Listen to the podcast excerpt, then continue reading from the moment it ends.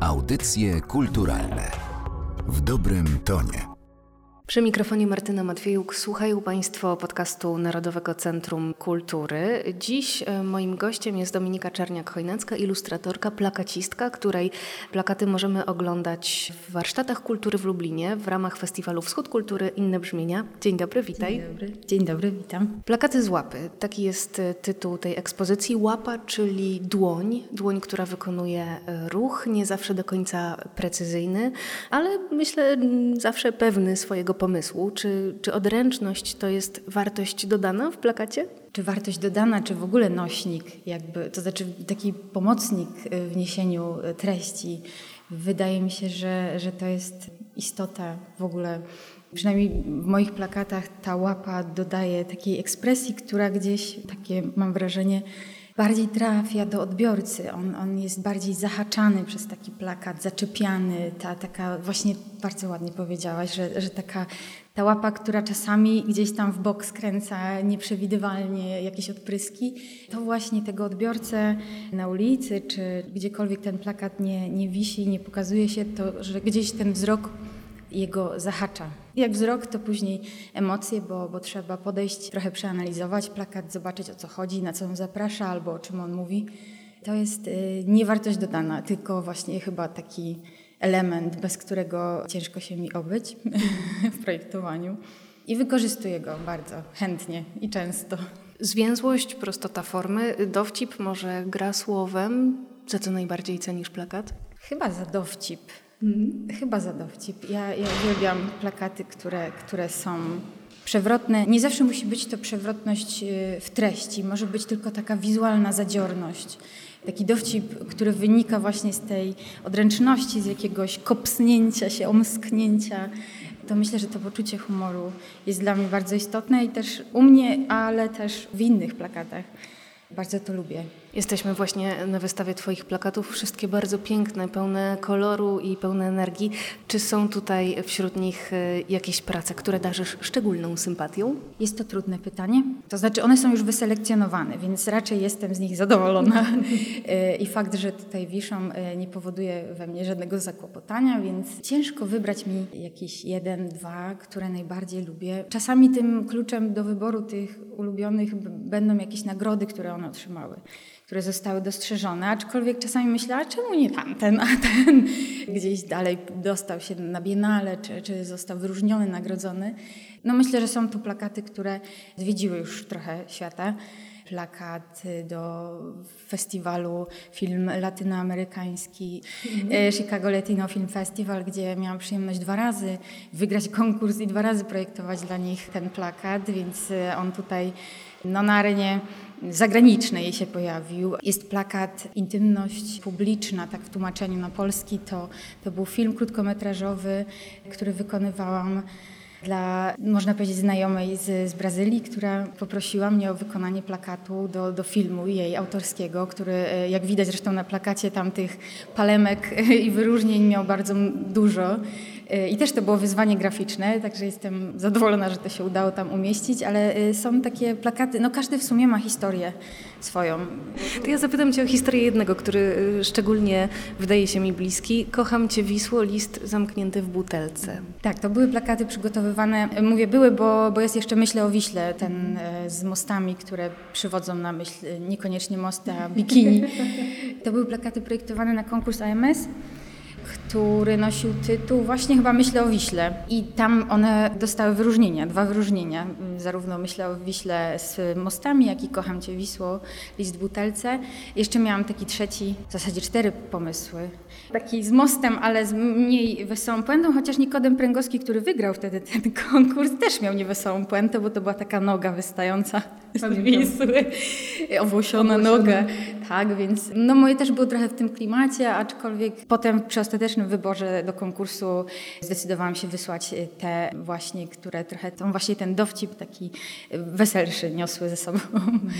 I Kocham Cię Wisło, list butelce to jest taki list do rzeki. Chyba tak się możemy komunikować, chociaż to jest trochę śmiecenie tej rzeki, nie wiem, jakbyśmy dalej poszły w te wakacje, to taki list wrzucany w butelce zakorkowanej. Butelka szklana, nie plastikowa. Tak, tak, szklana, korek ekologiczny, papier w środku, Jesteś usprawiedliwiona. My mamy w Polsce bardzo bogatą historię plakatu i myśląc o tak zwanej polskiej szkole plakatu, to wydaje mi się, że to były takie plakaty bardzo mocne i, i takie też, których metafory, mam wrażenie, były mocno krzyczące, stąd też oczywiście zapadały w pamięci. Czy powiedziałabyś, że teraz mamy jakieś takie trendy, czy też wyróżniki współczesnego polskiego plakatu, czy te granice narodowe się już zupełnie zatarły?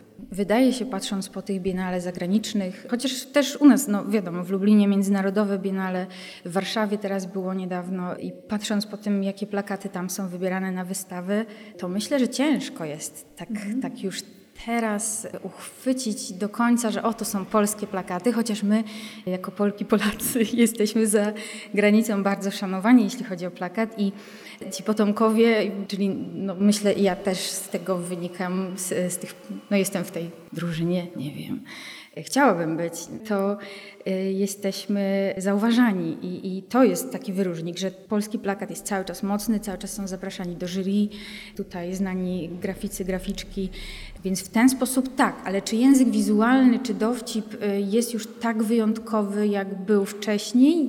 Nie wiem. Podejrzewam, że że nie, widzimy już, że bardzo w Chinach ten plakat zaczął czerpać tutaj z naszych takich e, pomysłów i oni tak się wyrobili w tym, że, że w zasadzie mówimy, wow, to ktoś z Europy zrobił. Nie, to już właśnie są Chiny i to jest wspaniałe, że to się tak e, zmienia, miesza i no, u nas też są plakaty, które są bardzo lapidarne, tak bardzo oszczędne, bardzo syntetyczne w takiej ujęciu w swojej formie, a są też takie trochę bardziej z łapy, są takie, które wiemy od razu, kto zrobił, a niektórych musimy pomyśleć. Są pewne trendy, które potem powodują, że ja jestem pytana, o zrobiłaś fajny plakat na to i na to. Ja mówię, ale to nie ja. Więc to jest trochę problem i trzeba być na tyle świadomym, żeby się zacząć troszkę odsuwać od tego albo robić swoje i nie zwracać uwagi, bo przekleństwo podobieństw jest na całym świecie, więc to, to może nawet nie jest źle, że ktoś myśli, że to ja, a zrobił to kolega, koleżanka, bo te plakaty są cały czas dobre i są bardzo dobrze zaprojektowane.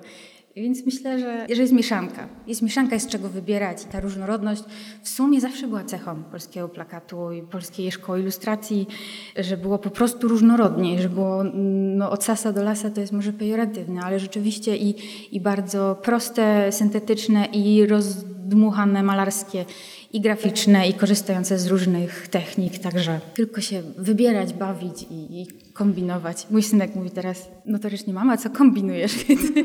Pejoratywne jakkolwiek kiedyś było być może to kombinowanie, no to teraz to taki twórczy, twórczy zamysł i, i szukanie różnych środków wyrazu. Jesteś też y, ilustratorką i chciałam powiedzieć, że pamiętam, że jako dziecko wybierałam zazwyczaj do czytania te książki, które miały najpiękniejsze ilustracje, ale uświadomiłam sobie, że, że tak jest cały czas i dalej jest to dla mnie ważne.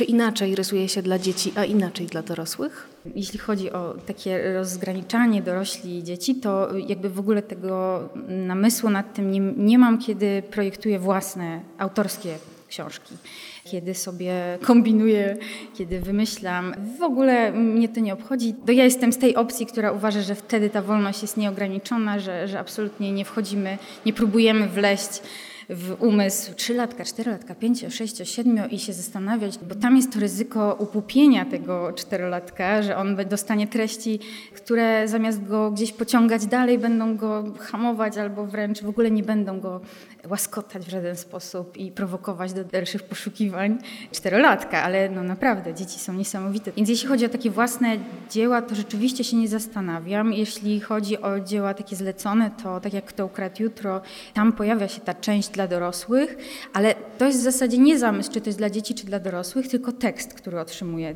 On decyduje o tym, jakie ja środki wyrazu dobieram, w jaki sposób i co ja chcę powiedzieć obrazem.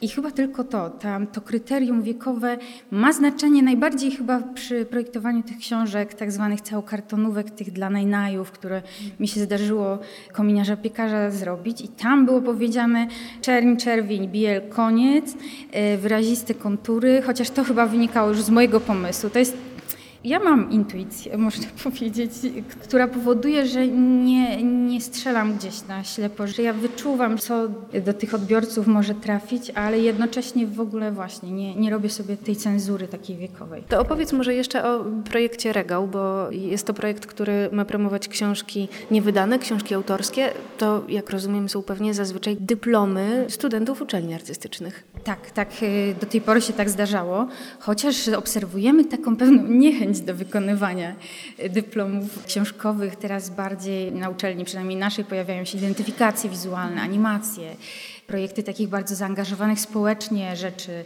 typu książek, które mają gdzieś pomagać w jakichś procesach, nie wiem, sądowych i tak dalej, i tak. Taka swobodna, autorska książka gdzieś troszkę jest mniej popularna, aczkolwiek osoby, które już do niej siądą i, i ją przygotują, nawet niekoniecznie jako dyplom, tylko jako na przykład książkę na zaliczenie, no to są to już książki bardzo ciekawe, bardzo intrygujące. I regał właśnie takiej książki stara się nie tyle przywrócić do życia, bo one jeszcze nie miały szansy jakby zaistnieć, tylko właśnie je pokazać odbiorcy, bo, bo nie zawsze te książki od razu zostaną wydane, czy w ogóle zostaną wydane, bo czasami są na tyle osobiste, na tyle ekskluzywne, że ciężko jest przekonać jakieś wydawnictwo do wydania, więc regał odwraca reguły gry i prezentuje je w formie wystawy e, objazdowej w założeniu, czyli takiej, która odwiedza różne ośrodki w całej Polsce i prezentuje je jako takie dzieła sztuki e, same w sobie, no białe kruki. Niewątpliwie jest taka praktyka, że przynajmniej na dyplomie wydaje się tą książkę w jednym, dwóch egzemplarzach, ale zazwyczaj są zupełnie pojedyncze, często ręcznie szyte książki, które można podziwiać wyłącznie na regale. To skoro o szansach, jesteś e, też stypendystką programu Młoda Polska i, i chciałam Cię zapytać, na ile to jest ważne i też co umożliwia tego typu wsparcie młodym twórcom? Rany, to wsparcie było niesamowicie dla mnie istotne, bo ja wnioskowałam o dofinansowanie pracowni. Także ja z komputera, który miałam, nie było mnie absolutnie stać, żeby kupić właśnie Maca czy jakieś tablety, to, to tutaj y, został zakupiony porządny iMac, dysk, y, tablet i no dla mnie to było olbrzymie szczęście, że mogę po prostu upakować siebie, wyposażyć siebie w narzędzia, które no nie powinny przeszkadzać, a wiadomo, że jak sprzęt gdzieś tam już zaczyna dogorywać, a sprzęty tak robią, no to jest trudniej tworzyć, zwłaszcza, że ja jestem komputerowa, to znaczy e, ja projektuję gdzieś na papierze te szkice, ale później to wszystko, cała magia kolorów dzieje się w komputerze, więc tutaj to jest turbo ważne.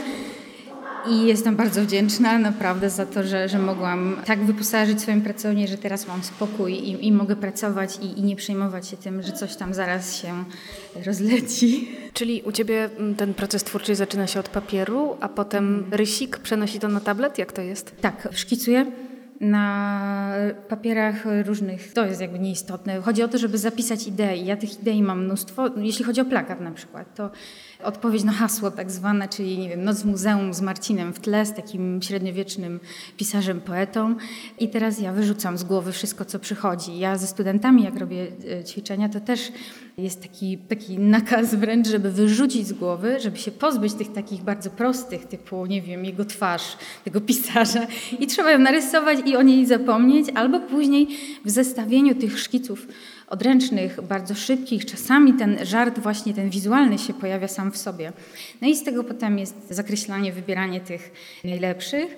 I potem praca, e, na, na przykład zaczynam od jednego i w toku pracy jak się spodoba, to zostaję przy tym jednym albo korzystam z kolejnych, ale to już się dzieje właśnie w komputerze, czyli czasami ja skanuję ten mały szkic i, i pracuję już e, na nim, żeby zachować te proporcje, bo uwaga, mała bazgrołka przenoszona wyłącznie za pomocą patrzenia i przenoszenia jej do komputera, e, czasami się okazuje, że to nie jest to. Więc trzeba zeskanować i pracować już na tym, na tym powiększonym bazgrole, y, który oddaje jednak taką tą ekspresję pierwotną, która jest, y, pojawiła się i zachwyciła, a, a ciężko ją potem powtórzyć, bo, bo to jest inny, inne narzędzie, jednak inny format. Ten format jest tu też istotny. To na zakończenie pytanie z gatunku niełatwych. Co oznacza dla Ciebie dobry projekt graficzny? O tak, to my mamy przygotowane odpowiedzi na takie pytania. bo my w pracowni z panem profesorem Mirosławem Adamczykiem jesteśmy często bombardowani takimi, ale dlaczego to nie jest dobre? Albo Poczekaj, zaraz coś wymyślę trudniejszego. Więc my mówimy, projekt, dobry projekt graficzny to jest taki, który y, nie budzi wątpliwości pod względem treści, środków wyrazu, podania i tak dalej. Czyli te niebudzenie wątpliwości jest tutaj kluczowe. I to jest bardzo prosta odpowiedź na to pytanie. No spełniony projekt, nie budzący wątpliwości, spełniony projekt, w którym no, ten komunikat jest dobrze niesiony. On może dawać do myślenia, on może powodować, że niekoniecznie wszyscy od razu złapią o co chodzi. Może być takie pole do interpretacji i to się zdarza. Nie budzi wątpliwości. Dominika Czerniak-Chojnacka była dziś gościnią audycji kulturalnych. Bardzo, bardzo Ci dziękuję za tę rozmowę i zapraszamy Państwa do oglądania plakatów i ilustracji autorstwa Dominiki. Dziękuję. Dziękuję bardzo. Audycje kulturalne w dobrym tonie.